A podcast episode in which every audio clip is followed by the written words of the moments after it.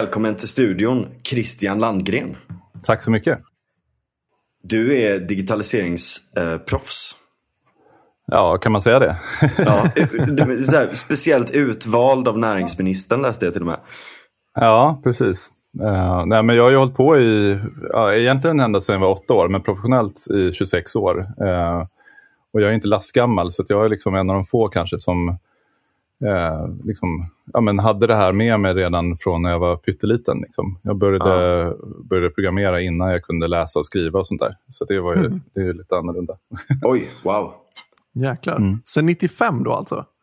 Har du på? Ja, 95 startade vi iTeam. Eh, och, eh, men redan 83 så fick, jag, fick vi en, vår första PC hemma. Eh, för min pappa jobbar på Televerket. Så att han han, han, fick ett helt team som var hemma och installerade den här liksom, datorn i, i vårt arbetsrum hemma.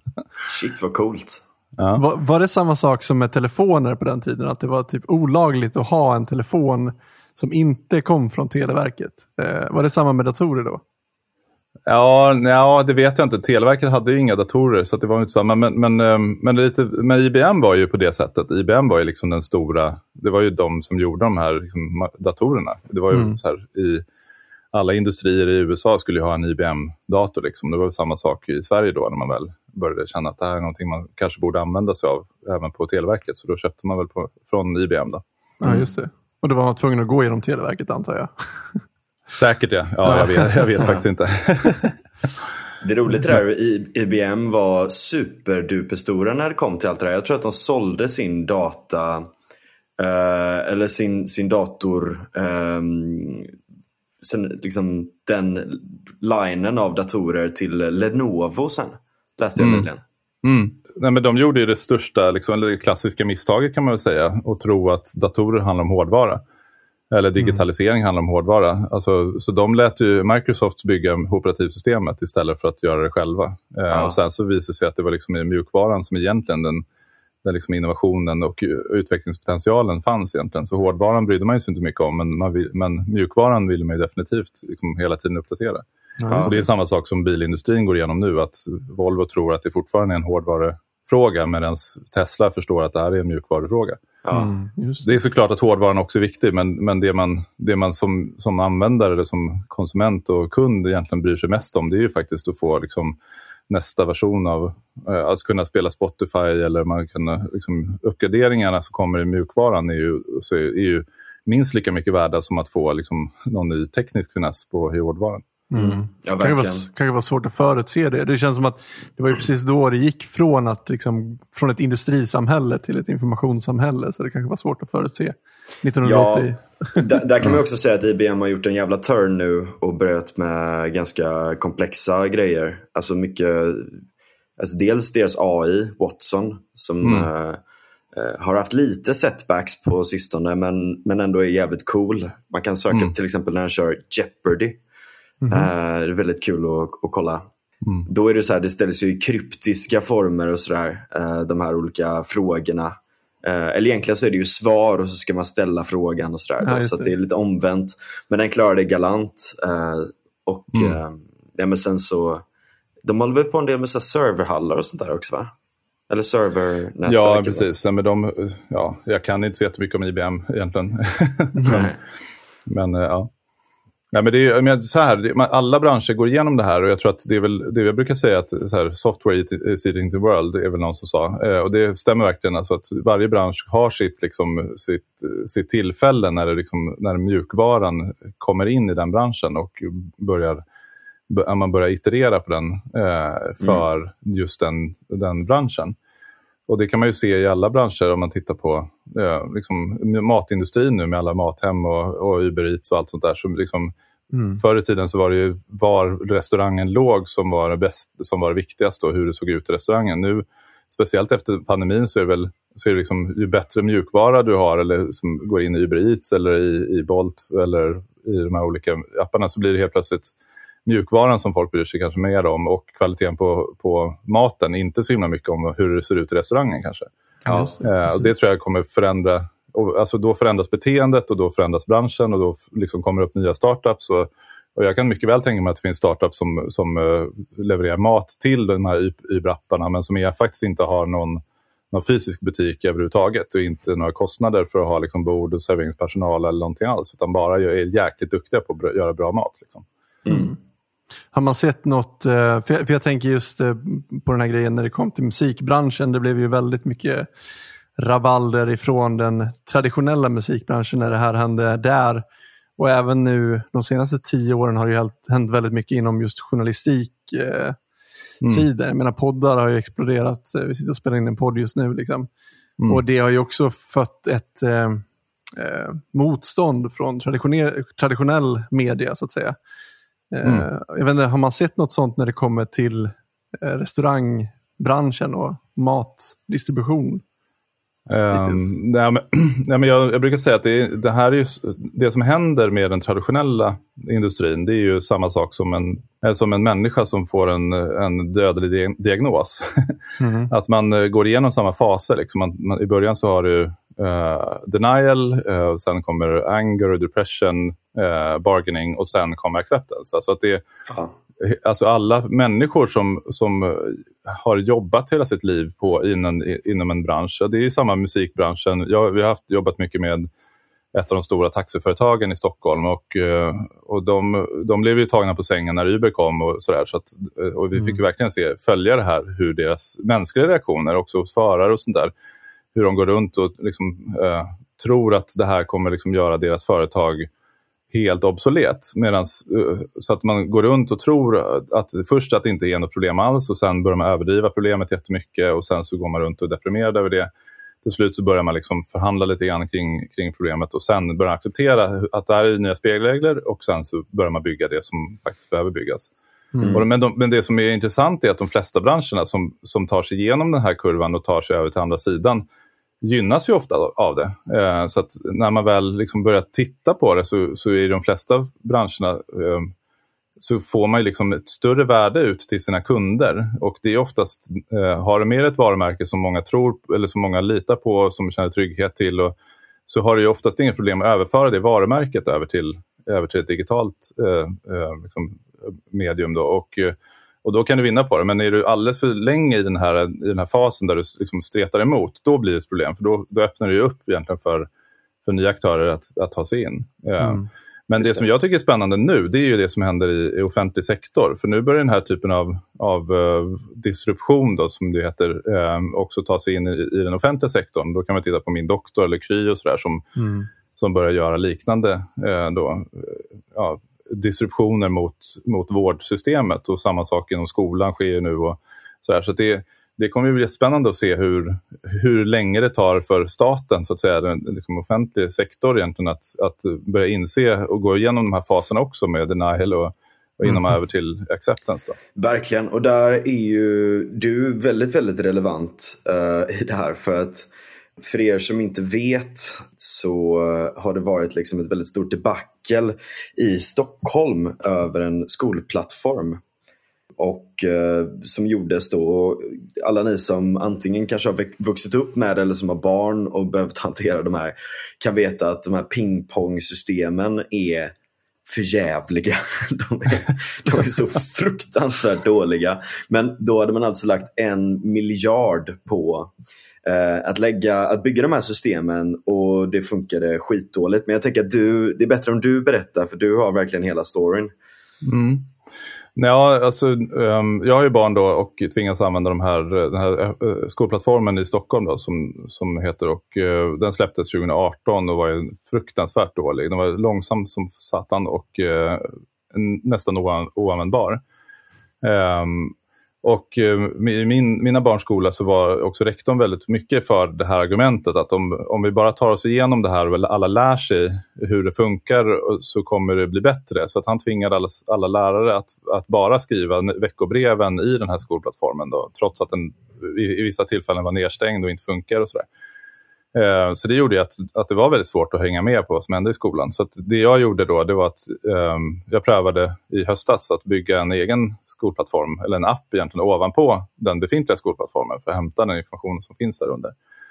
Eh, och det visade sig funka och eh, eh, sen så började jag lägga ut det här på GitHub och, och la ut det i olika Facebookgrupper och sådär att jag hade gjort, ja, börjat på den här och sen så var det jättestort intresse och de flesta som är programmerande föräldrar tyckte att det här var någonting som man vill hjälpa till med för att man har, man har samma problem. Eh, så ganska snabbt så fick vi igång en app som funkade väldigt bra. Eh, och sen så i februari så släppte vi den här eh, och fick jättebra mottagande. Vi fick 4,6 tror jag var i betyg på, på App Store medan den, den officiella appen tror jag fick 1,1 vilket är det absolut lägsta poängen man kan få. Och jag, tror att, jag tror att när vi gjorde ett annat projekt så, att vi, så, så skulle vi lära upp ett AI eh, svenska språket. Eh, och då, satt, då satte den data scientist och, och använde just eh, app reviews på, på App Store som, som baseline för, för att lära sig då olika typer av ord som är positiva eller negativa. eh, alltså då, sentiment analysis uh, NLP exakt. typ? Okay, ja, ja, precis. Så att, eh, då, och då, då var det en, en som stack ut liksom, och det var skolplattformen som, då, som var liksom, där fick den lära sig. Men det är poesi. Där, jag rekommenderar alla att gå in och titta i App Store för de, de, eh, de reviews som finns där är helt fantastiska. alltså det här är en helt underbar story. Alltså. Ja. Det sätter fingret på så mycket. Alltså. Ja, verkligen alltså. Fan, nu blir jag jävligt nyfiken här. Nu måste vi nästan gå in och se. vad, vad, vad sa du? Den, vad heter den sa du? Skolplattformen? Den, het, den heter Skolplattformen i Stockholm. Eller sånt där. Ja, men det, alltså, vissa reviewer säger så att ja, man trodde att eller, så här, mamman hade det, fått, fick det lätt när man började bara föda barnet. Jag eh, som är pappa eh, måste använda skolplattformen. Och det här är ännu värre än det. eh, sådana saker. Eh, så den, den, den, ja, den har verkligen blivit, eh, blivit kritiserad med all rätt egentligen. Folk är så rasande. Varför ja. sitter ingen fängslad för detta? Hur många hade vi inte kunnat rädda ur fattigdom med en miljard? Ja. Frans, ja. vill du bara sänka din mick lite grann? Ja, absolut. Du, absolut. bara dystar när du skrattar så mycket. ja, det... Faktiskt, eh, jag tycker att det är rätt rättfärdigat. Eh, ja, faktiskt. Den här appen har ironiskt nog blivit bättre men når ändå inte upp över ett i betyg. ja. ja, men det, det, här är ju jättespännande. Förlåt, en sista. En sista. Okay, okay. Använde appen en gång men det känns enklare och snabbare att hugga in runor i ett stenblock. ja, herregud. Ja. Ja, roligt. Alltså, det är det här som är så spännande. Alltså, de, de har alltså lagt en miljard på det, på det här sa du? Mm. Ja.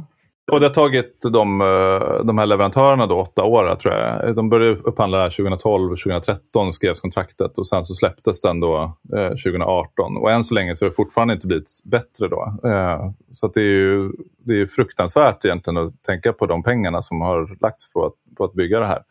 Ja, verkligen. Um, Snacka om bortslösade resurser alltså. Ja, Vad tror som... du är anledningen till det? Ja, men det är nog prestige tror jag. Um, alltså, eller ja, det finns ju tusen anledningar. Det har gjorts väldigt mycket analyser av, av det här. Uh, olika politiska liksom, majoriteter har, har vid olika tillfällen uh, klagat på det och, och, och när det var, speciellt när det var säkerhetsproblem också då, då ovanpå att den var så dålig. Um, ja just det, så... det var ju liksom en läcka med personuppgifter och allt möjligt va? Ja, ja visst, precis. Så det, men den här, det här är verkligen ett skolexempel på hur man inte ska göra digitalisering. Man, man upphandlar ett jättestort eh, system och man, man går ut i förväg och pratar om hur fantastiskt det här ska bli. Man tar till med, eh, från tårna med budgeten och man lägger sex... Man, alltså redan från början visste man att det skulle kosta 695 miljoner, alltså 2013 när man, när man eh, då gjorde den här upphandlingen. Um, och sen så går man, genomför man det här och sen under tiden så har det då eh, det kommit olika personer in i, internt i det här projektet som har konstaterat att det här kommer inte gå och sen så blir vi tystade i, i olika sammanhang eh, och, inte då, och, och, människor som varit rädda för sina karriärer. Eh, det är också övertagits av konsulterna själva som har liksom, eh, lett sig själva och sådär och sen har de som varit ansvariga för det slutat. Eh, och sen så är det nya som har tagit över. Så, så det här, det här är ett, så här ska man inte göra. Så här går det inte att göra. Eh, Men det började alltså 2013. Ja. Det är alltså snart tio år sedan som man började mm. göra upphandlingen för det här. Och det är fortfarande inte löst liksom. Ja, Men... om man frågar Stockholms stad själva så säger de att, eh, jag har ju träffat dem och vi har haft diskussioner då eh, kring olika typer av samarbeten och så. Och då säger de själva att det här är ju inget stort problem. Om man använder den på rätt sätt så funkar den jättebra. Eh, Problemet är vilket inte... Är, vilket betyder, för mig så känns det som att då är de kvar i denial. Liksom, att de, de, på någonstans så är de liksom inte, du förstår inte vad det här, vilka förväntningar folk har. För att, menar, man kan säga så här att 2013 när man upphandlar det här så har det säkert, då hade det här resultatet varit jättebra. För då var det ju, alltså man tänker tillbaka hur det såg ut 2013 då man alla gick runt med iPhone 4 och eh, liksom att öppna upp en app på en sån telefon och göra några ärenden och betala räkningar var inte riktigt acceptabelt. Så att, då tänkte man nog att det var liksom en, en dator man satt vid när man skulle använda det här. Och sitter du vid en vanlig dator och har en stor skärm och sådär, då går det säkert bra att använda den här. Men nu för tiden så är det de flesta som har barn har, har inte direkt tid att sitta i sitt arbetsrum och sitta och bokföra sina liksom, ärenden där. Utan det gör man ju liksom i mobilen halvvägs ut genom dörren på väg till skolan och kollar och vill se om, om det är tidig stängning eller hämtning eller, eller om gympapåsen ska med om man har glömt någonting. Det är då man är jättestressad och, och då behöver sitta och logga in och logga ut för varje barn och fastna och sen så bli utslängd och eh, sen så inte kan navigera och måste stänga av appen och starta om och sådär. Det är inte, det, då blir man ju fullständigt rasande i ett sånt läge. Ja. Eh, så det är väl då så att de inte har riktigt anpassat sig och det är väl det som, som är eh, det alla i resten av den digitala världen har redan insett för länge sedan att det går inte att göra den här typen av vattenfallsprojekt där man från början bestämmer sig och sen så ska det gå ta tio år innan, innan man är klar och då ska allting funka. Utan det är en agil, liksom, iterativ process som, där man måste lyssna och testa på användare men också anpassa sig till den förändringen som sker i, på marknaden för att se när det kommer Apple Watches och det kom, finns Siri och det finns eh, Google Home och Alexa och sånt där. Vad skulle man inte upphandla idag om man skulle börja idag? Men ja, om tio ja, år så kommer vi ha fått nya grejer som vi, som vi då har. Så att det handlar verkligen om att göra ett, ett, ett följsamt projekt som redan från början Eh, är uppbyggt på, på det sättet att man inte riktigt vet vad man ska, utan man börjar med det man vet och sen så fortsätter man att iterera på det. Det är så jag tror att de flesta startups eller moderna företag skulle eh, välja att digitalisera sig idag. Ja, mm. precis, verkligen. Uh, ja, men inte minst, inte, inte minst att uh, det här liksom iterativa och att ständigt upp, uppdatera och liksom uh, och bygga liksom med användaren i, i betänkandet. Liksom, att det, inte, det, är inte det här är ju inte fransk byråkrati. Liksom. Det, det här, vi har ju ambitionen av att, digital, alltså att vara eh, digitala och jag menar det har ju gjorts alltså, tidigare. Jag menar, en, en anledning varför du fick en dator så tidigt, varför jag hade internet när jag var liten och liksom, mm. nu, nu har jag existerat ungefär lika länge som ditt företag men eh, eh, eller nästan precis på, eller faktiskt precis på året. Men, ja, men alltså, anledningen till det här är ju för att vi har satsat väldigt mycket på digitalisering och allt sånt där. Men då mm. är det märkliga att, alltså det är, det är så fruktansvärt märkligt att vi är så totalt eftersatta i eh, i offentlig sektor, i upphandlingar och allt sånt där. Och jag menar, om det redan från första början är, alltså för jag menar vi hade ju pingpong när jag mm. var, mm. när jag var liten. Mm. Och de var, ju, de var ju helt värdelösa då också. Det var ingen som mm. orkade använda dem till slut. Man gick över till mail igen för att det var det enda mm. sätt som funkade. Uh, man man, man liksom printade ut scheman för att det var enklare än att använda de här digitala plattformarna. Samtidigt som det finns så jävla mycket andra bättre saker som, som har gjorts. Uh, eller som gjordes också under tiden. Liksom. Jag menar, hur lång tid tog det för er att uh, få ihop er plattform? Ja, det tog inte mer än några veckor egentligen till att börja göra grundappen. Så stod det... Nej, men, det är verkligen, men det är verkligen precis så att det, här är ju inte rocket science. Så har du börjat för tio år sedan, har du kvar, kvar hela den kodbasen och behöver hantera all den koden. Det är klart att varenda ändring tar ju enormt mycket tid. För att du har ju byggt det på gammal teknik, då, så här, eh, icke-supportade system du har eh, Angular i den första versionen för att de inte orkar uppgradera. Och så här, allting är dåligt bara. Att börja om från början är ju ofta ett bättre, bättre sätt egentligen när man väl har kommit till en sån återvändsgränd. Men, ja. men att ta ett sånt beslut på ett projekt som kostar en miljard, att börja om från början, det är ju, mm. då blir det politiskt. Och det är ingen ja, politiker precis. som vågar ta i det här projektet. Så det är därför man bara fortsätter och som om och om igen lägger på liksom ännu mer skräp ovanpå det gamla skräpet som den finns. Och tänk dig själv att sätta dig som utvecklare och ta över det här. För jag menar, det är inte samma utvecklare, det är konsultfirmor så de har ju, det är ju stor eh, liksom rullians på utvecklare. Jag driver själv ett konsultbolag, jag vet ju själv ofta som folk slutar och börjar sådär. Så det är att bygga, mm. kod som är tio, bygga på kod som är tio år gammal, det är ingen som vill ta i det. Så då kapslar man in det där gamla och sen så håller man på. Så jag är helt övertygad om att den här kodbasen som finns där under, den, är ju, den lär ju säkert vara fruktansvärt eh, svår att hantera och ingen kom, vill ju säkert ta i det här projektet även hos leverantörerna. Ja. Men det är intressant för att vi har inte än så länge fått ett enda ord från, från leverantörerna, varken Pingpong eller Tieto eller, eller några av de andra leverantörerna har sagt ett ljud om öppna skolplattformen eller har haft kontakt med oss eller med journalister eller, någon, eller ens, det fanns inte något livstecken överhuvudtaget. Vilket vi tycker är lite intressant. Jag, jag tycker att det är ett demokratiskt problem att ja, man får ducka på ett sånt sätt. Ja, um, men hur, varför tror du att liksom, det upphandlas så från första början? Nej, men det, det man tror, eh, jag tror att det, det, är flera anledningar. Dels så, så är upphandlingsreglerna ju anpassade för att handla, upphandla system som, eller inte, upp, inte gjorda för att upphandla innovation. All digitalisering är egentligen innovation. Mm. Och med innovation så menar jag då att, att man inte vet från början vad det är, eh, alltså att det är första gången man gör det eh, och man vet inte vad slutresultatet ska bli. Eh, så att, att upphandla någonting sånt, som man, det, alltså upphandlingsreglerna bygger på att man definierar någonting så pass, eh, så pass tydligt så att, man, så att man kan få flera anbud med, på exakt samma sak. Mm. Eh, och sen jämför man de här anbuden med varandra och sen så ska man då välja det som har bäst, liksom, eh, bäst pris för den prestandan som man, som man då har satt upp då som regler.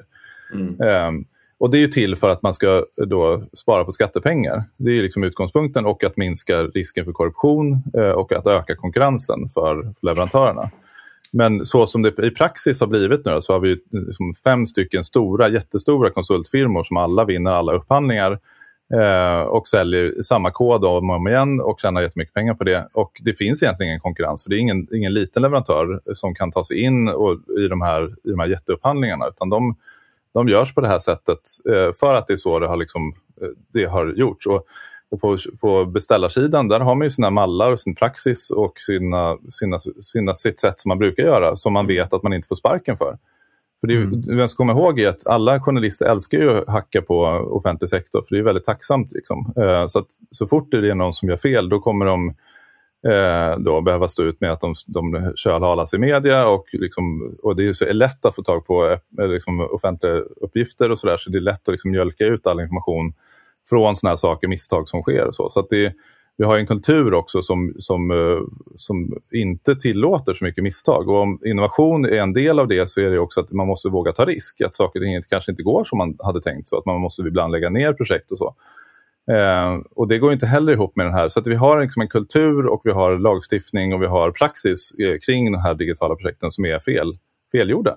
Mm. Eh, men lagstiftningen i sig, EU-lagstiftningen, är ju inte fel. För att det finns ju andra länder som lyckas med det här mycket bättre än vad vi gör i Sverige. Eh, som, har sam som lyder under samma lagstiftning.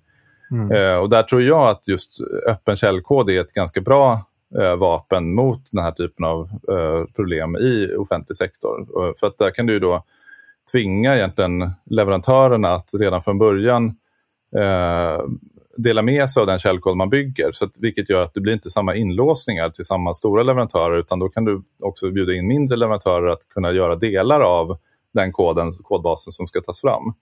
Just och då blir också, och kanske då iterativa också... grejer eller om man ska liksom porta det till en smartwatch eller vad som helst. Då kan man ta Exakt. in en...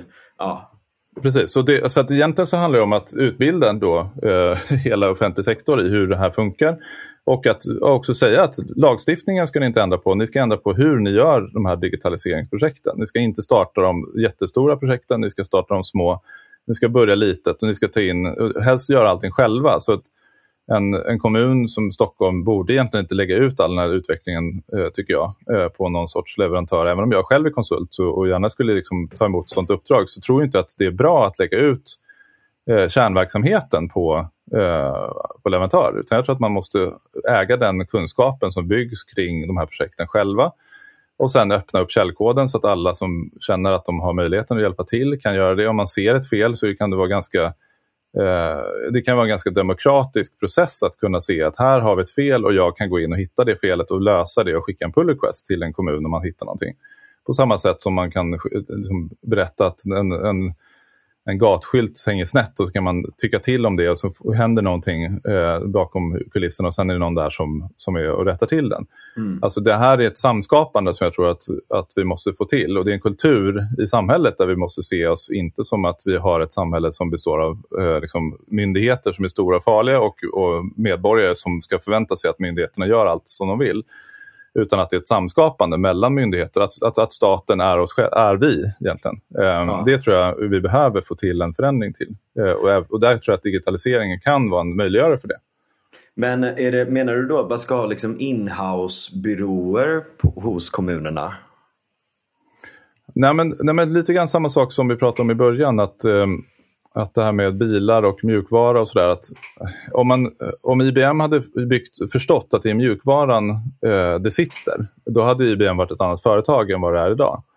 Eh, och Microsoft hade inte blivit ett så stort företag. Eh, och samma sak tror jag med, med digitalisering och, och offentlig sektor också. Att om man, om man nu ser eh, inte digitalisering som något så här, lite grädde på moset ovanpå det som egentligen är sin e-, riktiga business, alltså kanske vården då, utan tvärtom att man ser digitalisering som, ett, som en ganska central del äh, i att göra, genomföra vården. Att, att mm. äh, alla har möjligheten till att använda sig av smarta programvaror som finns i folks mobiler som, som är proaktiva och håller koll på och hjälper dig i din vardag. Eh, om du har reumatism eller om du har någon annan eh, kronisk sjukdom, att du får liksom väl, väldigt bra eh, hjälp eh, i, i, i vård liksom under tiden medan du lever.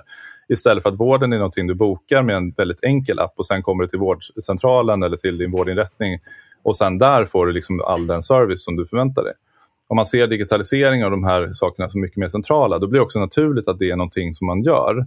Mm. Eh, så det tror jag är en ganska stor transition som måste ske i offentlig sektor, att man, man faktiskt börjar liksom anamma den här digitaliseringen som en del av den, det serviceerbjudandet som man ger till, till, till medborgarna. Ja.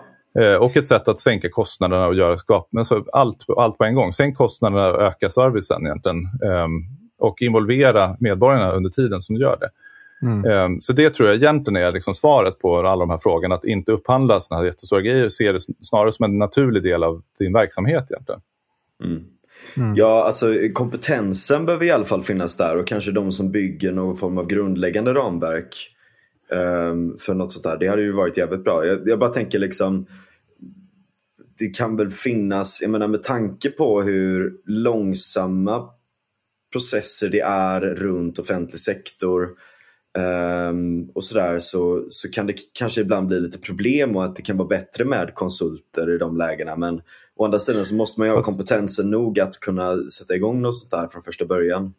Ja, men det, men det finns ju bra exempel. Polisen gör ju det här just nu. Att de, de har ju förut prövat att lägga ut all sin utveckling och det har ju blivit jättedyrt och, och är väldigt, väldigt dåligt egentligen. Så alla poliser eh, går ju runt med jättegamla datorer, eller såna handenheter och med helt värdelös programvara.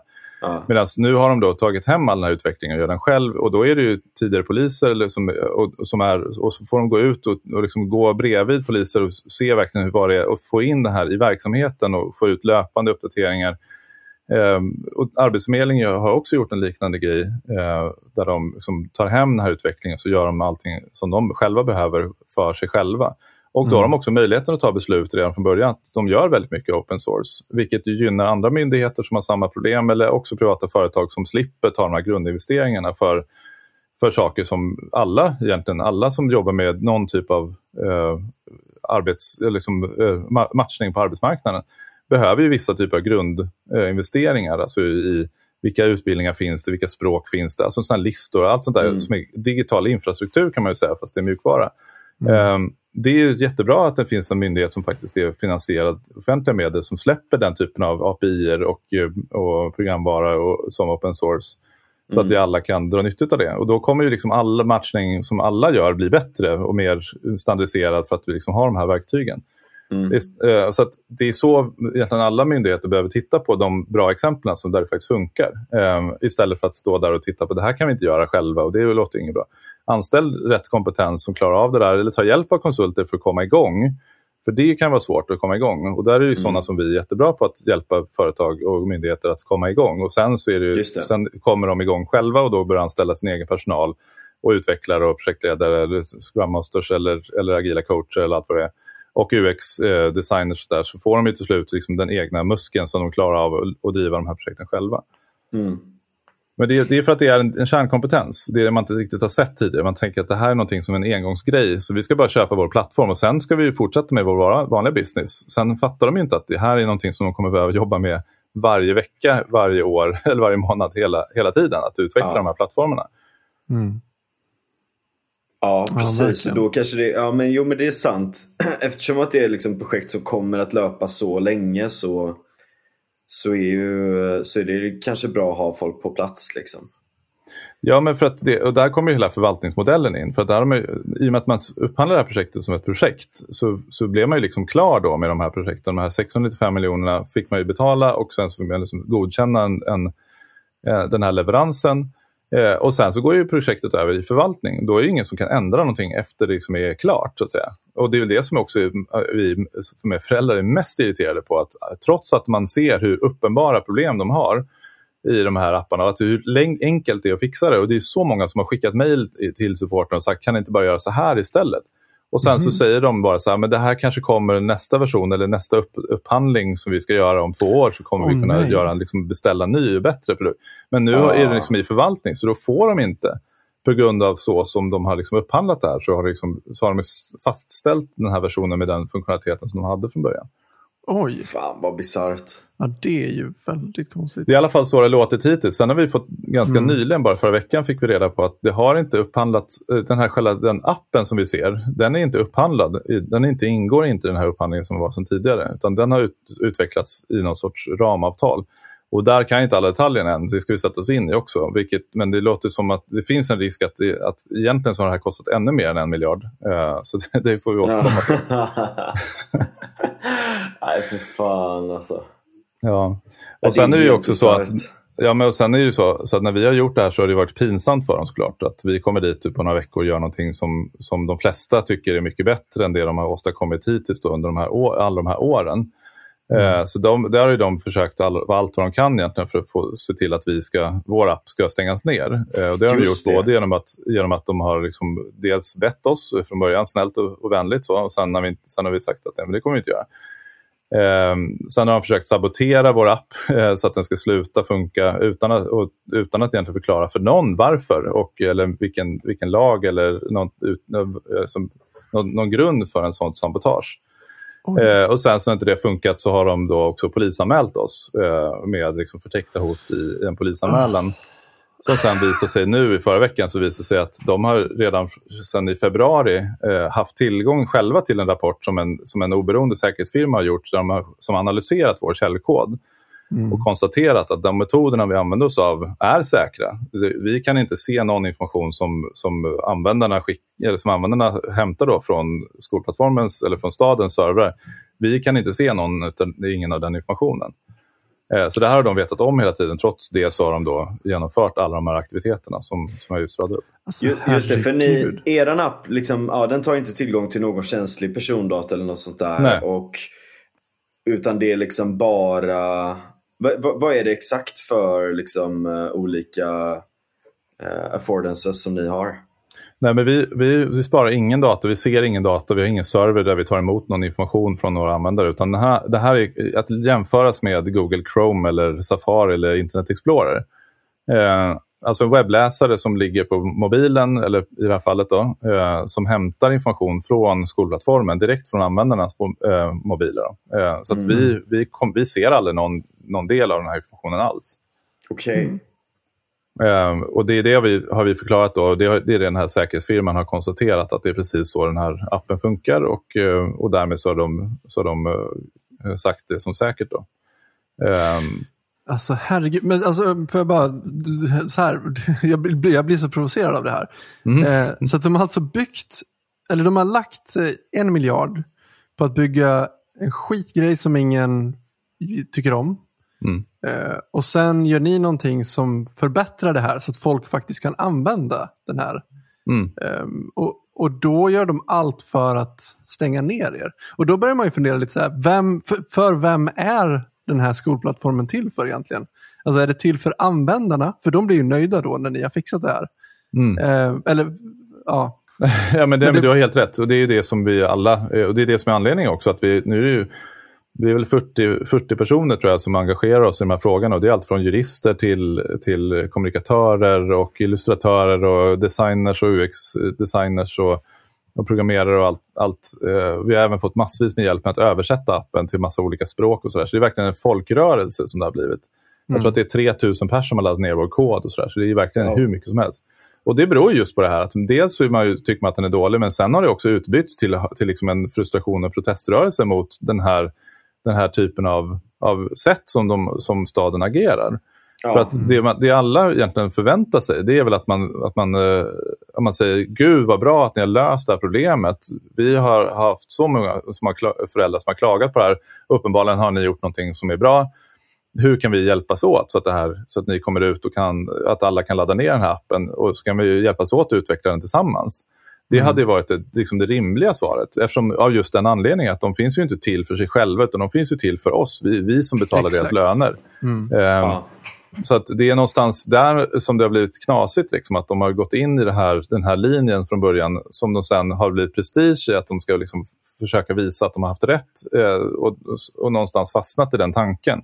Mm. Vilket de, de successivt tror jag nu eh, börjar inse att nej men, oj då, vi kanske inte riktigt hade rätt. Och jag tror att de har varit övertygade om att de har rätt. De har nog tänkt så här, det här är inte rimligt att den, att den här appen som vi har gjort, den har vi upphandlat och den ska vi såklart se till att den används. Och alla som använder någonting annat, då kommer de inte komma tillbaka till vår app och det ska vi stoppa så att vi liksom får användning för de här pengarna. Alltså, mm. Lost cost uh, fallacy, att man, liksom, man lagt en miljard, då vill man verkligen se att den används. Mm. Um, så att det är, jag tror att det finns väldigt mycket mänskligt i det här också. Eh, där man liksom har fastnat i en tanke och sen så kan man inte ta sig ur den riktigt. Eh, ja, men det är därför ja, vi har politiker också, att se till att, att eh, liksom tjänstemän inte själva ska ta, ha för mycket makt och, och liksom styra i ett sånt läge, styra av så att, så att det faktiskt blir lite rim och reson i det. Så det är väldigt mycket skattepengar som har gått åt under tiden. Den här, hela den här polisanmälan, innan det så var det en juridisk utredning som de har gjort och jag vet inte hur mycket de har kostat. Sen har de haft konsulter som är inne och varit försökt sab sabotera då för våra app. Ja, så så liksom... liksom ett, eh, vad var det de kallade det? Liksom så här ett uh, liksom, operation team typ? Eller vad ja, men de hade så här, Task Force öppna skolplattformen hade de då format. för att försöka se till att här, stoppa oss. Det, eller, det vet Sabotera API och grejer liksom. ja, nej, men de har gjort helt orimliga grejer liksom, att, för att försöka stoppa oss. Som att det skulle vara någon jävla liksom, kriminella. Liksom. Alltså, vad, vad har ni gjort för fel? Ja, men det, nej, det nej, för fel är att de har ju hotat liksom, deras monopolställning. ja, man kan ju bli anarkist för mindre alltså. leverera liksom, helt eh, liksom, ofungerande produkter till liksom, ovetande tjänstemän. Liksom. Mm. Det, eller det är ju lite åt det, lite åt det hållet. Liksom. Mm. Men, men, Nej, men, eh, det, ja. men det kan man också jämföra lite grann med så som det var med Televerket och telefoner förr i tiden. Att det, är samma, det är egentligen samma sak här. Att, Exakt. Eh, när man går runt och tror att det, bara, det finns bara en form av, av liksom telefoner och det är Televerkets egna telefoner. Och det är bara de som får kopplas in i telefonjacken. Liksom. Då, sen kommer Doro och andra liksom, privata alternativ som, vill också, som också funkar i telefonjacket. Och det är klart att det, då blir det, väldigt, det blir väldigt svårt. Då, för då står Televerket och tycker att här har vi liksom investerat i de här telefonerna och tagit fram dem och designat dem och liksom säljer dem och kostar ju skitmycket och sådär. Och så kommer det några nya billigare, då är det klart att ingen kommer vilja köpa våra telefoner. Så det krävs ju något case som, som utmanar. Eh, och det har ju Kry gjort vad gäller vården och nu gör vi det mot liksom, skolsystemet. Att här, det här är ju faktiskt en, en uppdelning som krävs här också. Att informationen om skolan, information om eleverna scheman och nyhetsbrev och allt sånt där. Det är ju sånt som borde vara öppet, som, som borde finnas på öppna API. Sen är vi och många andra som jag tycker skulle finnas en marknad som, hur kan man göra den här informationen så lättillgängligt som möjligt för alla de målgrupperna som finns? För att det man ska komma ihåg är att vi, vi är den första appen som, som översätter skolplattformens information till engelska till exempel. Så har du, har du en engelsk familj, och det finns rätt många utländska familjer som, som bor här som har sina barn i skolor i Sverige, eller i Stockholms skolor, mm. då, men som själva pratar engelska eller, eller, eller arabiska. arabiska. Eller, ja, det finns ju massor. Eh, och står du där och vill få reda på vad som händer i skolan så finns det ju i dagsläget inget alternativ. Eller mm. om du då tänker att man har hörselskador eller synskador eller andra funktionshinder så, så är det också väldigt, väldigt svårt. Det är svårt att använda som, vanlig, som normal person tänkte säga, men, men utan några funktionshinder. Eh, då kan man ju tänka sig hur det är att, att, att använda den appen med, med olika typer av eh, funktionsnedsättningar. Eh, så att, och vi har ju lagt ner mycket tid på att, att göra just den typen av anpassningar. Så den funkar, vår app funkar väldigt bra med, med skärmläsare och med olika typsnittstorlekar och översatt den till olika språk och sånt där. Mm. Och det är ju det är liksom konkurrensfördelar som jag ser det. Att det är saker som inte går att göra idag. Då når vi målgrupper som de inte gör. Men mm. där, så att om man ska nå alla de specialfallen eh, så tror jag att man måste nog tillåta att det uppstår en marknad ovanpå den informationen som finns. Och det är där mm. jag tror att liksom, vi kan börja se en ny typ av, av offentlig sektor som kan växa fram. Där är liksom privata alternativ och, eh, och, tillsammans då med de alternativen som, som är offentliga. Då, eh, ungefär som det finns privata och, och offentliga skolor. Mm. Eh, så tror jag att det kommer bli även med digitalisering inom alla områden egentligen. Eh, så att, ja, Verkligen. Det, det kan bli spännande. Vad tycker är... du? Ah, förlåt eh, Daniel, ta du. Nej, jag tänkte bara raljera lite grann. Ja. Så skit i mig. okay. jag, blir, jag får bara fortfarande lite provocerad, jag får lugna ner mig lite. Här. Ja, precis. Ta det lite lugnt här. Nej, men det, det är ju liksom det är jävligt tråkigt när man inte öppnar upp för liksom innovation och konkurrens och att det finns ett naturligt sätt att göra det som inte blir eh, som inte går ut över så att säga kvalitet eller säkerhet och sådana här saker såklart. Liksom. Och lite på det temat, hur tycker du att e-hälsan går? Du var inne på det lite tidigare. Det har ju framförts en hel del kritik mot de här doktorapparna eh, just för att de, de har tagit ut samma kostnader som vanliga eh, vårdcentraler har gjort, även om de inte ger riktigt samma tjänst och allt sånt där. Men jag måste mm. säga själv att när jag själv har testat dem så så tycker jag att de har fungerat rätt bra. Eh, mm. Men vad, vad är dina tankar runt, runt dem? Nej, men jag tror att det är precis samma sak där. Att, att, um, alltså att, att det kommer en, en innovatör som, som inser att här finns det en möjlighet att liksom innovera och göra någonting som är bättre som folk faktiskt vill ha. Uh, det är ju någonting, någonting positivt. Sen är det ju såklart alltid så att systemen är inte riktigt anpassade för det och kanske inte lagstiftning heller. Utan då måste ju se till att lagstiftning och ersättningsmodeller och sånt där hänger med. För det, mm. som jag förstår det så är väl eh, de, här, de här digitala läkarbesöken, de har ju, får ju samma ersättning som en fysisk, eh, mm. ett fysiskt besök. Och det är klart att man kan tänka sig att det finns en annan kostnadsbild eh, och, i de här två olika fallen. Eh, samtidigt som det, jag tror många också underskattar den kostnaden som det ha, är att, att utveckla de här apparna som är, ska då både vara användbara och väldigt säkra. Eh, så att jag, jag, tror att det där är väl någonting man måste tänka igenom. Hur, hur vill man att det ska vara? Och det är där jag tror att man måste inse att offentlig sektor kommer inte gå först där utan man måste på ett eller annat sätt acceptera att det blir privata aktörer som går in och, och innoverar och gör någon sorts disruption i de här fallen. Eh, och sen så kan man vara snarare då tacksam för att det sker och sen då mm. titta på lagstiftningen. Hur vill vi faktiskt ha det? Och där krävs ju politiken också med. Så att vi, det är våra folkvalda som har, har möjligheten att säga till om vad, hur vill vi att de här systemen ska fungera. Hur vill vi att ersättningsnivåerna ska vara? Ska det kosta lika mycket? Ska man få lika mycket ersättning om man har en digital vårdcentral som en, som en fysisk? Och om inte, var, vad är skillnaden då? Um, och samma sak med det här då. Vill vi att det ska finnas digitala alternativ till skolplattformarna som kanske funkar i flera skolor eh, eller flera kommuner eller flera skolsystem än bara den skola man går i? Det kanske man vill och då ska man fundera på hur ska man se till att de eh, apparna då blir tillgängliga, lika, eh, kanske gratis då för användarna istället för att man ska, vissa användare ska betala mer för att få en lite bättre app. Eh, så jag tror att här behövs det diskussioner, här krävs det politiska diskussioner. Men sen tror jag också att det krävs ledarskap, eh, alltså där man faktiskt förstår vart det här är på väg. Och det är där jag tror mm. att är den största frågan. För jag tror att när vi har Verkligen. en statsminister som skryter om att han aldrig har e-handlat så kan man tänka sig att han har nog aldrig egentligen använt några e-tjänster heller i det här fallet. Han kanske ringer och beställer sin pizza och sånt där. Eh, och, eh, det tycker jag är ett jättestort problem. För att om vi inte, om vi inte kan ha politiker som förstår vart det här, hur resten av samhället redan idag agerar, hur ska vi då kunna liksom få en, ett samhälle som utvecklas åt det hållet som jag tror mm. att de flesta av oss vill. Jag tror inte det är någon av oss som vill liksom gå tillbaka till till ett, till liksom ett samhälle som inte har tillgång till alla de här tjänsterna. Nej. Utan jag tror snarare att man vill utveckla dem och se att det blir mer av det här. Mm. Och jag tror att det är helt nödvändigt för att vi ska kunna eh, ta hand om all den vård, och alla de vårdkostnader. Och, och alla, vi, blir, vi blir äldre, vi, får, vi har fler diagnoser nu, vi, vi tar hand om fler eh, sjukdomstillstånd.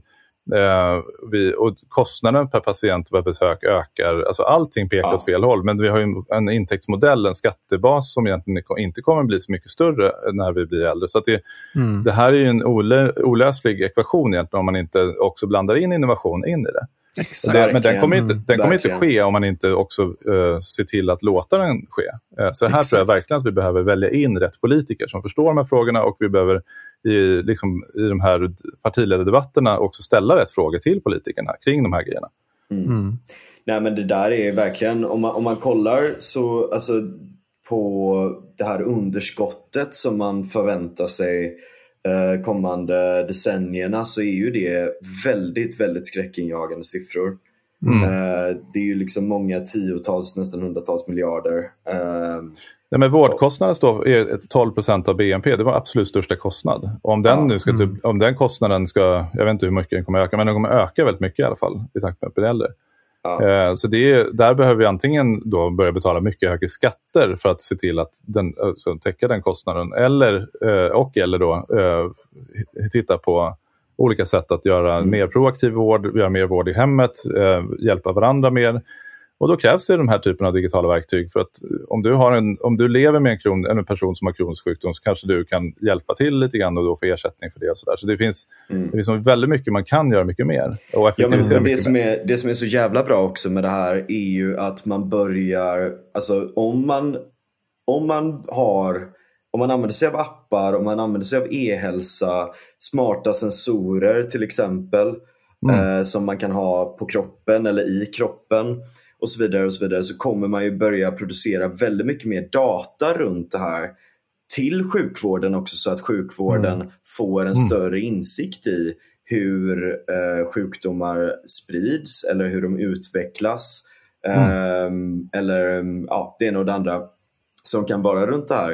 Eh, vilka sorts saker som funkar, inte bara per enskild patient utan på en väldigt, väldigt stor nivå. Liksom. Var, var ser vi hur ser vi att eh, folks hälsa påverkas över en längre period och sådär. Det här är ju siffror, eller det här är ju datamängder som inte går att processera för enskilda. Mm. Eh, det, mm. Utan vi behöver artificiell intelligens, eh, machine learning, big data-analys mm. för att förstå de här mönstren och för att, för att få ut någonting av all, all den datan. Och där är ju det här ett skifte som det är ju verkligen ett otroligt paradigmskifte för hela vården. Mm. Men där har ju, där har ju ett, ett, ett, gigantiskt problem just nu. Det är ju att, att alla de här vårdsystemen som man har upphandlat då, eh, för 10 eller 20 år sedan, de är ju byggda på ett, de är inte byggda för den här, den här paradigmet som vi går in i nu. Eh, de är ju byggda utifrån att här har vi en leverantör som säljer en programvara som, där leverantören gör allt vad de kan för att hålla fast liksom, all data Mm. Eh, i sitt eget ekosystem. Eh, och, och helst då göra så att det är liksom, om det är någon annan vårdcentral som också ska kopplas upp som ligger närliggande, då, då ska de köpa, köpa samma så att det finns liksom nätverkseffekten av det här. Eh, och Det motverkar helt och hållet det som du nu säger, för att då måste du liksom mm. köpa ut den här datan från leverantörerna. Ja. Eh, och där finns det exempel, till exempel i England så har man ju då, eh, NHS, har varit tidigt med att förstå det här problemet och, och skapat ett mellanlager. Så det finns inget system som själva, som själva kan liksom äga datat utan det kommer ligga eh, lagrat hos, eh, åtminstone skickas igenom olika typer av dataväxlar in, som ägs av, av den statliga myndigheten eh, i, i eh, NHS. Då. Mm. Och så görs det inte i Sverige, så där står vi med liksom leverantörer som har en väldigt stor makt egentligen på den här datan och som man måste mm. nästan fråga om lov om de kan tänka sig att dela med sig av den och så. Men det är på sån bisarr nivå. Jag kommer ihåg någon gång jag hade mm. dratt, eh, jag hade dratt axeln ur led flera gånger. Mm. Eh, och så var jag så här, ja men du kan ju dra upp de röntgengrejerna från förra gången som där hände. Mm. Uh, nej det kan jag inte för att det ligger i du vet, Västra Götalands system och nu är vi mm. i Stockholm så det här funkar inte. Du vet så här. Ja. Alltså massa, massa sådana saker. Dels, dels den biten bara för den, för den enskilda patienten, hur mm. bisarrt det är. Men framförallt som du säger på den här större skalan och jag menar som Alltså med tanke på att så här, vi lägger så otroligt mycket pengar som ja, 12% av BNP. Mm. Det är en stor sektor och alternativet är kanske inte att man bara, alltså att allting eh, helt och hållet sköts av staten men däremot så kan man ju ställa kravet just när det kommer till data för att det är eh, staten som finansierar till den allra mm. största graden eh, hela systemet. Ja. Eller kanske lätta upp lite immaterialrätter. Nej, men, det, nej, men, det, nej, men det, det, finns ju några, några varianter på lösningar på det här. Och jag har varit med och tagit fram en, en variant på lösning som vi kallar för egendata som handlar om att, att uh, egentligen digitalisera den lagen som heter GDPR då, uh, och som gör att vi har rätt till all vår, vår egen data uh, som individer. Mm. Men istället för att bara se det som en rätt som vi har i lagboken så, har vi då, så börjar vi bygga på en, en teknisk lösning. Så att du kan faktiskt begära ut all data som är lagrad kring det och sen får du den lagrad i, den, i en lagringsplats som du själv kontrollerar.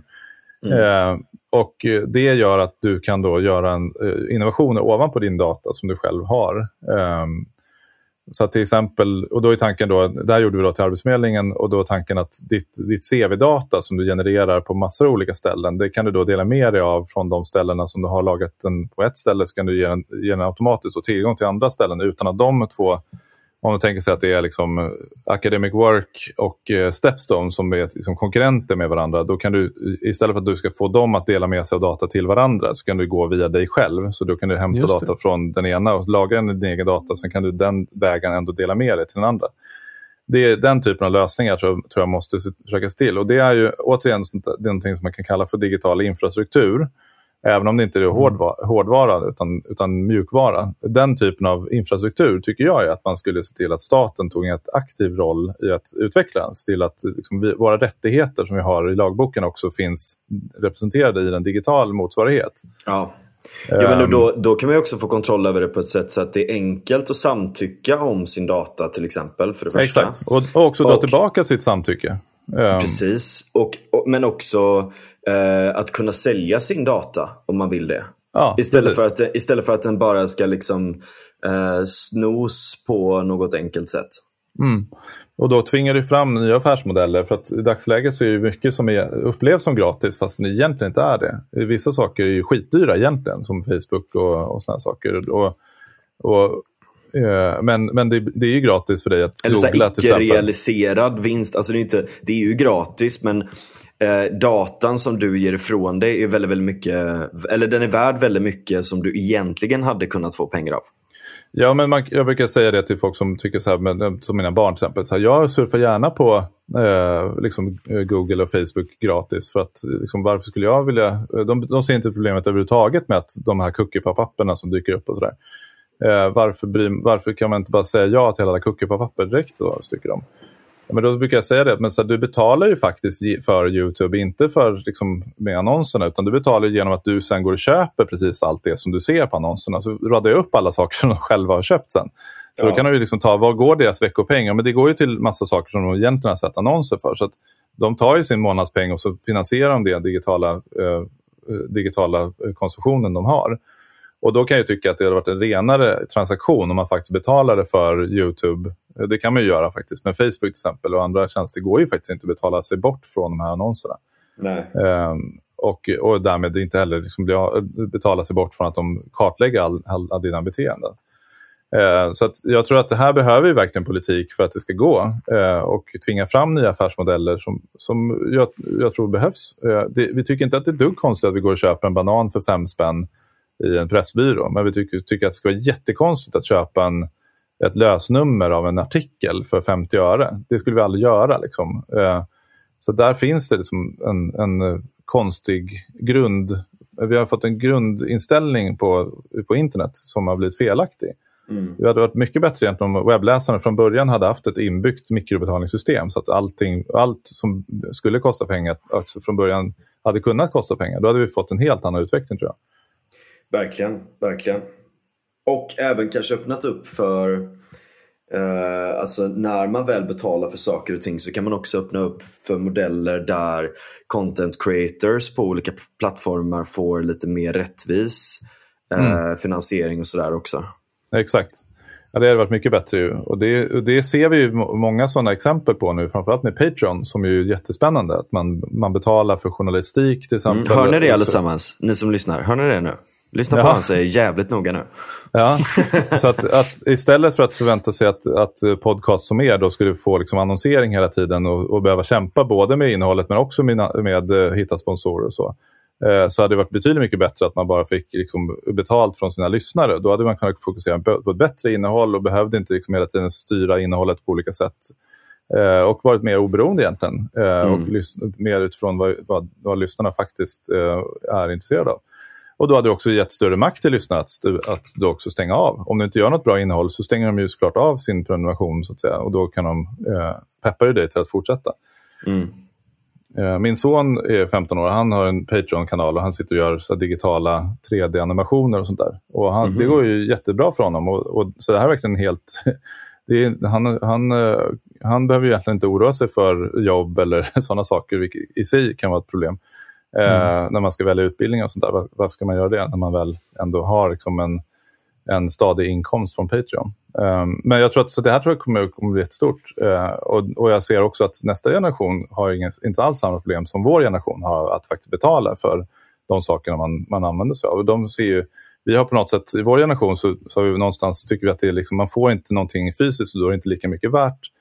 Mm. Eh, Medan nästa generation tycker inte att det är någon större skillnad. De ser inte att, liksom, att en, en, skiva som man får online skulle vara mindre värd än en skiva du får, eller det skulle vara mer värd egentligen, för då slipper du hantera den fysiska eh, plastförpackningen. Ja. ja, verkligen. Det är, det är superintressant det där. Mm. Um, men vad, vad tror du lite, om man, om man ser någonting som vi har pratat om innan, um, i lite olika konstellationer, bland annat till exempel med um, Wikimedia, Erik Lut uh, därifrån. Mm. Är mm. liksom, mm. vad, vad tror du om framtiden på internet där? Kommer det att bli mer korporatiserat? Kommer det bli mer uppladdningsfilter? Kommer det bli mycket hårdare kontroll? Blir väldigt, väldigt höga trösklar för nya aktörer som försöker ta sig in eller sådär? Eller kommer vi se en kontrareaktion mot det? Vad tror du? Uh, ja, det är en jättebra fråga. Jag tror att det beror väldigt mycket på vilka politiker vi har. Uh, ja. Så länge våra politiker håller på att teckna lag, uh, olika typer av lagar som, som begränsar vår integritet och avlyssnar våra telefoner och ger polisen liksom rättigheter att gå in i band i efterhand och, och kartlägga vad alla människor har rört sig och sådär. Så jag, jag, jag känner mig väldigt skeptisk till äh, att vi liksom rör oss åt rätt håll just nu. Jag tror att vi behöver liksom, en ny typ av politik, äh, en politisk debatt kring de här frågorna. Äh, men jag tror att det går att få till det. Jag tror att vi är väldigt många som, som är insatta i de här frågorna och som fattar de här grejerna på, ett, på en mycket högre plan i liksom, väljarkåren än vad det finns i, i, i våra, både i riksdagshuset men också i Europaparlamentet. Mm. Mm. För att de har ju suttit och varit proffspolitiker i, liksom, under hela den här tiden medan vi andra har gått runt och använt alla de här verktygen på ett sätt som, och använt det på jobbet och vi har beställt tjänster och vi har sett hur verktygen byggs upp och vad, vad som går bra och vad som går dåligt. Vi har liksom en annan intuition tror jag i resten av samhället. Så just nu så finns det liksom en, en, en, en omvänd eh, expertskara. Liksom Ja, eh, så jag tror att det behövs lite ny politik. Jag tror att mycket av de problemen som vi kan se också kan man förklara genom att prata om digitalisering och globalisering. Eh, alltså allt från integrationsproblem och eh, flyktingströmmar. Och, alltså många av de här sakerna som, som är politiska frågor beror ju på någonting. om man tänker på var, var jobben har tagit vägen så är det ju inte att saker och ting har, har gått, gått, gått till på det sätt som vissa partier påstår. Eh, utan, eh, så att mycket av de här frågorna tror jag är mycket mer komplexa. Men i grund och botten så tror jag att de handlar om att vi går igenom ett skifte i hela världen just nu som, som är positivt, som har skapat väldigt, väldigt mycket välstånd för väldigt många människor. Hela Kina mm. har ju blivit mycket, mycket mer Eh, eller blivit av med väldigt mycket fattigdom på grund av den här teknikutvecklingen. Och så mm. Eh, mm. så att, eh, det är i grund och botten en positiv utveckling som ger eh, många människor bättre vardag. Men där tror jag att politiken måste följa, följa, med och också debatten kring politiken och media måste utvecklas mer i de här frågorna. Så jag, jag, hoppas att om vi får till det, och det är genom just den här typen av samtal som vi har haft nu som, som det sker. Mm. Eh, verkligen, att verkligen. människor engagerar sig i politiken och att vi ställer frågor till de politikerna som vi har så att de faktiskt läser på om de här frågorna. Eh, då tror jag att vi kan absolut se en positiv utveckling och komma tillbaka lite grann till det som var idén med internet på 90-talet. Mm. Vilka är liksom de teknikerna som du ser utvecklas just nu som du är mest eh, taggad på? Jag kan säga för min del så är det väldigt mycket AI, väldigt mycket e-hälsa också. Men, eh, men framförallt, framförallt liksom lite det här när vi börjar förstå människan på ett ganska stort djup liksom, med big data-analyser och allt sånt där. Uh, men liksom rent enskilda grejer inom AI sådär, eller runt de här områdena, vilka, vilka tycker du är liksom det mest lovande just nu? Um, nej, men alltså drömma så, lite. Ja, men jag fick precis till, tillgång till uh, OpenAIs uh, GPT-3. Nej, vad coolt. Uh, ja, det är skitcoolt. Fan vad uh, fett alltså. Mm. Ben Gertzel, och, ni borde kolla in honom allesammans. Jag, ser, jag sitter här och ser ut som ett frågetecken. Också, så att ni, ni som inte ser ja, mig, så, så ni vet. Ja, nej, precis. nej, men GPT-3 är ju, OpenAI är ju ett, ett, um, ett, ett, ett, forskningsföretag i, i London tror jag de sitter, som utvecklar egentligen olika typer av AI-tillämpningar de är backade av Google och, och eh, tror jag Elon Musk och andra. Men, men, eh, men, men det är inte Ben Gertzel förresten. Jag tänker på OpenCog eller vad fan det heter. Ja, förlåt, fortsätt. Ja, nej, men, men de har ju då utvecklat ett, ett, ett AI som, förstår, som har tränat upp all text egentligen eh, på, på internet. Och mm. på bland annat Red, hela Reddit har de eh, som, ja, just det, just scrollat ner och just det. rensat lite grann hoppas jag. Men, men eh, också Wikipedia och lite sånt där. Eh, så de har ju skapat en jättestor textmassa och sen så har de då tränat upp det AI att försöka förstå så mycket som möjligt av den här textmassan. Och sen kan man då ställa frågor till, till AI. Mm. Uh, och den, den, har kommit i tre versioner, eh, GPT-1, och GPT-2 och GPT-3. Nu är ja. trean då den som är den senaste. Och den är så pass uh, kraftfull så att de inte... Uh, förut har de släppt det mesta de har gjort, liksom open source, så att alla kan använda det samtidigt. Så nu har de fått liksom, släppa det här det går inte att köra, den är så stor den här så det går inte att köra på en enskild maskin. Så att du måste ha liksom, tillgång till ett liksom, beräkningskluster för att kunna klara av att köra de här frågorna. Ja. Eh, vilket, eh, vilket gör att de har släppt det i lite om, olika omgångar. Så nu har jag precis fått tillgång till det. Och då kan man ställa frågor om allt möjligt egentligen till här Och det är ju helt otroligt eh, vad, vad, vilken, vilken förmåga den har. Den förstår på riktigt vad det är man, man ställer för fråga och kan liksom formulera ett väldigt välartikulerat svar tillbaka. Fan vad ehm, coolt. Kan du ge ett exempel ja. på någonting? Vad är meningen med livet? Ja, precis. Ja, nej, men, nej, men jag, jag ställde faktiskt frågan um, eh, två ganska intressanta frågor. Den ena var att jag, jag började, det, så som man ställer frågor det är att man skriver en text så som den skulle sett ut i en artikel. Uh, och sen så liksom fortsätter AI att skriva klart artikeln. Uh, så det jag gjorde var att jag skrev en artikel som handlar om skolplattformen. Ja. och så sa jag så att um, ja, 2013 så gjorde Stockholms stad liksom en, en jättestor upphandling och sen så meningen var att alla skolor skulle få liksom, tillgång till en ny digital plattform som skulle underlätta för lärare och elever. och sådär. Eh, men sen åtta år senare, punkt, punkt, punkt. Och sen så fortsatte AI att skriva och den skrev nästan identiskt med hur verkligen blev. Nej, vad blev liksom, ja, det, ja, det är så coolt.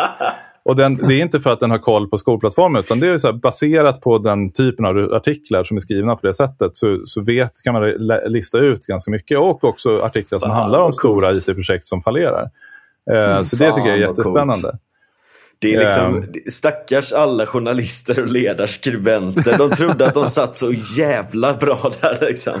Ja, precis. Nej, men, ja, nej, men det, nej, men, och, och som, som alltid då så tänker man, det första tanken är så här, eh, panik, panik, denial, denial, anger, eh, depression, alltihopa till acceptance. Och till slut kommer man inse att det här är faktiskt verktyg som man kan dra nytta av för att få liksom bättre, eh, ja, men, mer superkraft egentligen. Så att man kan få ut fler artiklar, bättre artiklar och, mm. um, och göra bättre research. Så. Det finns ju, alltså jag skrev lite grann om Sverige och då kunde den läsa, då hade den liksom koll på all historik om Sverige och varför vi, så här, varför vi har högre skatter än andra länder. Alltså den klarar av alltså, massvis med saker. Som, sen är det inte säkert att man kan lita på allting för den har också ganska mycket fantasi så den hittar ju på mycket saker själv också. Så man får, man får verkligen vara försiktig. Men... men det är så esoteriska sanningar behind the truth. Eller så här.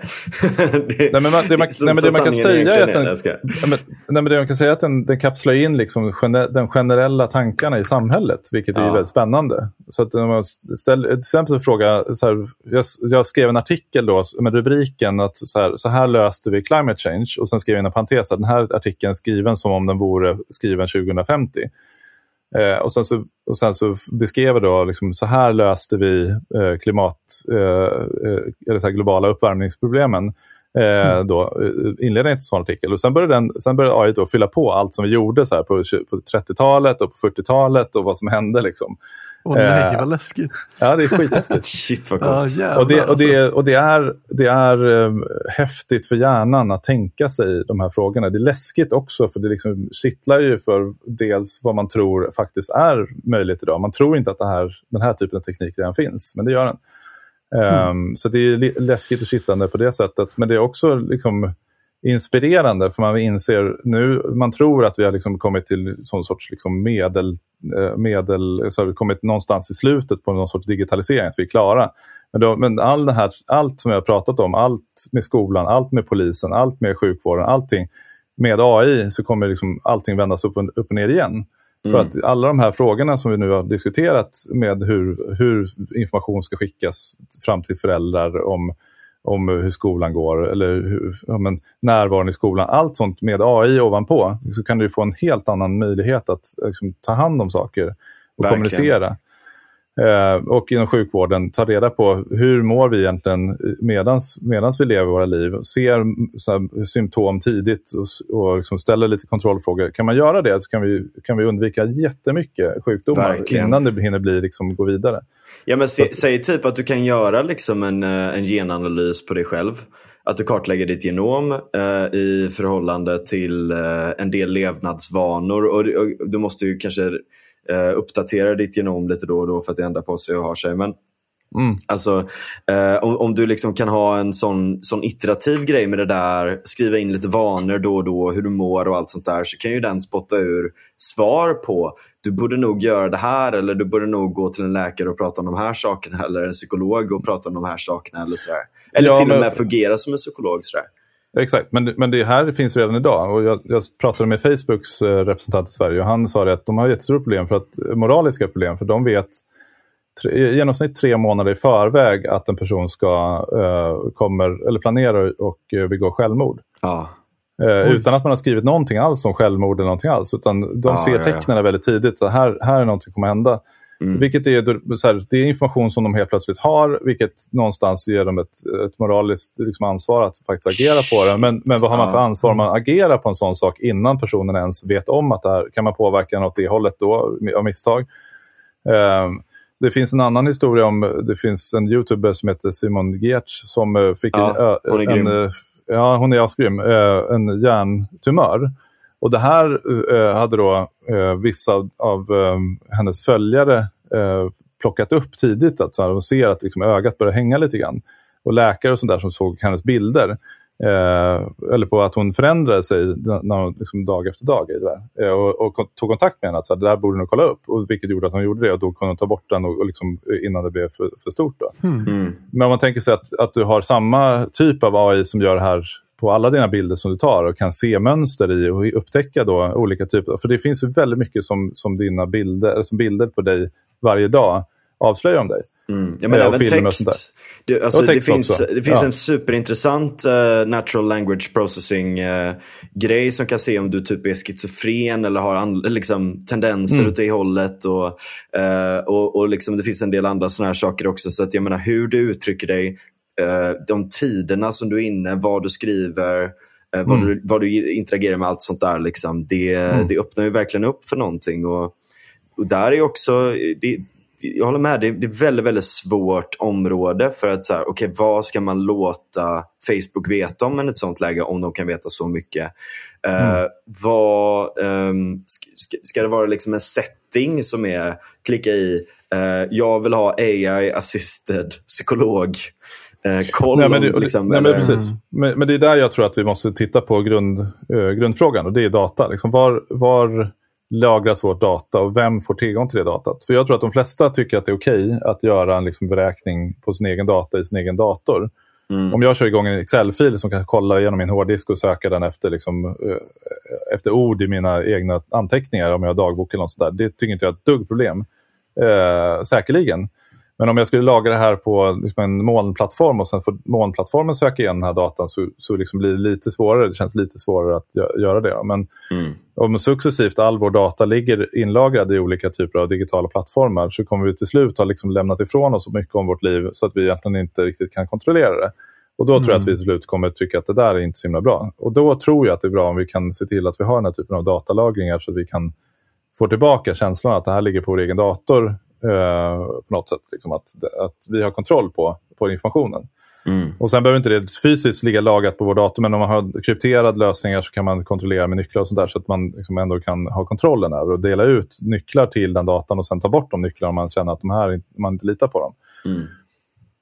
Mm, jag, jag kommer att tänka på den här gamla Tom Cruise-filmen Minority Report.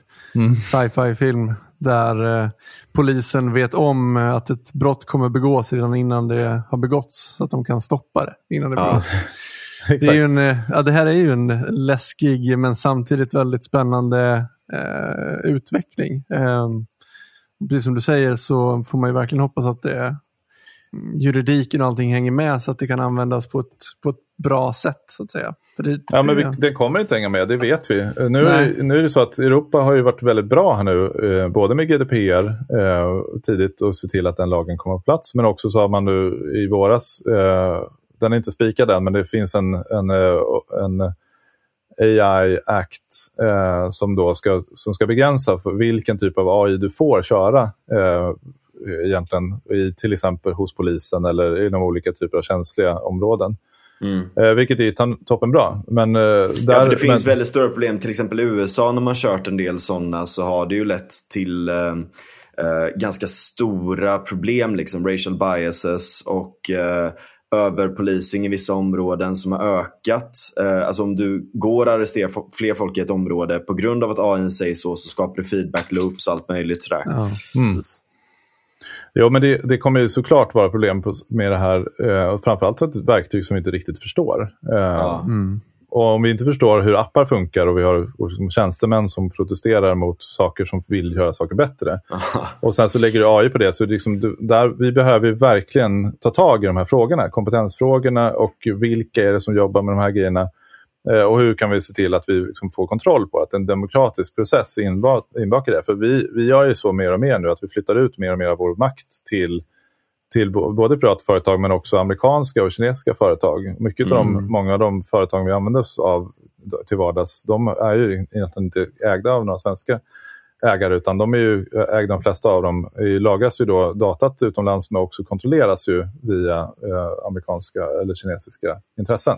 Mm. Eh, vilket ju funkar bra i fredstid, men blir det lite kris och det händer lite saker och lite oroligheter och sådär, då, då vet man inte riktigt hur, ja, med vilken data kommer kidnappas. Frågan är hur jävla mycket fredstid vi har nu. Liksom. Det känns som att vi är, har varit i ett kallt krig ganska länge. Ja, det kan man säga. Men, men, eh, nej, men så jag tror att det här är tid, tid nog att eh, ta tag i de här frågorna, eh, få in politiker, klara av dem eh, och, eh, och börja liksom, våga ta de här komplexa frågorna och våga experimentera med dem utan, Ja. att, utan att vara tvärsäker. För jag tror att det är det som är problemet, att vi har man måste vara så säker innan man vågar ta några beslut och det gör att man väntar och att vänta kanske är det sämsta beslutet vi ska göra. Ja, Precis, exakt. precis. det är ju liksom paradoxen runt försiktighetsprincipen där. Mm. Precis. Att, att liksom, om man är alldeles för försiktig så kanske inte det är så försiktigt. Liksom. Mm. Nej, men du bara titta på den här, den här polisrazzian som man gjorde eh, som baserade på en kod eller på en app som, som, man som amerikanska underrättelsetjänsten hade fil, eh, infiltrerat någon, någon eh, kriminell grupp som då eh, såldes för mycket pengar och som var, skulle vara supersäker. Då. Eh, det, det ser ju polisen som väldigt, väldigt framgång och politikerna också hyllar ju det här för att de tycker det är kanon. Men, men det som egentligen hände var ju att man hade amerikanska underrättelsetjänster som, som installerade appar och infiltrerade nätverk i Sverige och bedrev polisverksamhet i, i Sverige egentligen och övervakade svenska medborgare eh, på, dess, på dess kommunikation. Eh, och sen så ser man, då som, ser man det som ett problem att man inte får göra så här i Sverige och så vill man liksom att, vi ska ha, att vi ska ge samma befogenheter som den amerikanska polisen har, eh, fast då eh, internt i Sverige. Mm. Och Jag tror att det finns jättestora problem med den typen av resonemang. Både verkligen. att man tillåter den, eh, liksom andra eller underrättelsetjänster att göra den här typen av operationer i Sverige och kanske till och med att man kanske bjuder in dem nu till Sverige för att göra den här typen av liknande insatser på andra grupper. Och därmed går man runt svensk lagstiftning för att då är det en annan annat land som går in och gör saker och sen så får man tillgång till svaret i efterhand och så. Vad finns det för andra tillfällen när den, den, typen, av den typen av metoder kommer att användas? Mm. Eh, jag tror att här behöver vi verkligen ha en initierad debatt kring de här frågorna. Eh, vilket jag inte tycker sker. Jag tycker inte alls att det sker på det sättet som det borde. Jag tycker att det finns en verkligen. intellektuell debatt som måste, som måste eh, problematisera kring både för och nackdelar i det här eh, utifrån mm. flera olika aspekter. Inte bara ja, men, att det är viktigt att sätta dit skurkar. Nu, nu eh, slogs det ju igenom en sån lag också, som där allting, den, den liksom rubricerades som typ Uh, så här, Child Protection Act typ. Uh, mm. Som är liksom att ja, det är möjligt att det kan förekomma liksom, pornografiska bilder bla bla bla, bla, bla uh, på barn och allt sånt. Så därför ska vi få ha tillgång till exakt allting, alla meddelanden och så vidare. och så vidare. Det ska inte få finnas kryptering i princip. Mm. Eller att man ska få liksom hacka sig in och det ena och det andra. Och jag menar, där är ju problemet när man lägger upp det på en sån sak. Så här, vad fan, bryr du dig inte om barnen eller? Uh, istället, istället för att ha en öppen, transparent diskussion mm. om mm. vad för och nackdelarna är som sagt. Liksom. Ja, mm. ja men det där är en klassisk, en klassisk motiv. Uh, och det finns ju många människorättsorganisationer som, som uh, vänder sig mot den typen av argumentation. För det är klart att det, det är svårt för någon att säga att, det, att, det, att om, man har risk, om man har chansen att kunna liksom sätta dit en, en pedofil, då kan man ju nästan göra vad som helst för att det är så lätt att identifiera sig med det scenariot. Mm. Um, och samma sak med terrorism. Men, mm. men, uh, men det, det, kan man liksom inte ha, man kan inte ha en, en, debatt kring den typen av extremfall. Man måste också kunna våga ta debatten om vad händer i liksom, samhället om vi om vi får ett ledarskap som inte är lika eh, liksom, snällt och, och vänligt som vi har idag. Och vi ser väldigt Exakt. stora liksom, rörelser i Europa med antidemokratisering och, och såna saker, fascistiska tendenser som kommer fram och sådär. Um, och Björn Söder som uttalar sig om eh, vilka personer inom Polismyndigheten som man vill rensa ut och sådana mm, saker. Det, det finns väldigt mycket saker som, ja.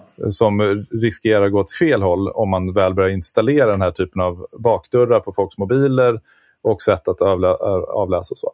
Så mm, jag tror att verkligen att man måste ha en stark diskussion, en, en initierad diskussion om, om mänskliga rättigheter utifrån ett digitalt perspektiv. Jag tycker att liksom, rätten till kryptering är en sån sak. Att rätten mm. till digitata, um, att kunna ha den typen av uh, mänskliga rättigheter uh, och, och, också tillgång till internet. Det finns många länder där, där uh, då, diktatorer stänger av internet så fort det börjar liksom bli en mm. en protest som, proteströrelse. Som ja, Kuba nu senast. Ja, exakt. Och så att, att se till att, så att det, här, det är en hel dimension kring frågor som har med liksom, den digitala aspekten att göra, som vi inte diskuterar riktigt i, i den politiska debatten tycker jag. Mm. Det finns diskussioner i, i, liksom, i såna här typer av forum eh, med personer som redan är övertygade och förstår de här grejerna. Men allmänheten ser, sätts inte in i, i det här eh, riktigt. Utan man går med på de här det är klart att det är bra att man sätter dit terrorister. Det är klart att vi ska bli av med liksom gängbrottsligheten och sådär. Eh, det vill ju alla, men, men eh, vad får det för kostnad på andra sidan? Ja, ja. Yes. Ja, du, väldigt, väldigt intressant. Superintressant verkligen. Tack så jättemycket för att du eh, kom och gästade. Och, alltså, och att Tack du själv. är så engagerad i, i liksom det breda, den breda diskussionen runt det här. Det är, det är verkligen supergött att se. Alltså. Ja, det behövs fler ja. folk som dig och det behövs framförallt fler som, som diskuterar de här frågorna. Så att, jag hoppas att ni som lyssnar också tycker, känner er lite inspirerade av den här diskussionen. Ja, verkligen. Det sätter ju igång väldigt mycket tankar och som jag inte riktigt har funderat över tidigare. Så det är därför jag har suttit lite tyst under samtalet. Jag vet riktigt vad jag ska säga. Men eh, det har varit jätteintressant och jättekul att du ville vara med. Mm, verkligen. verkligen. Tack så jättemycket för att ni eh, tog med mig. Ja, stort tack. Ha det gött. Ha det gött. Hej.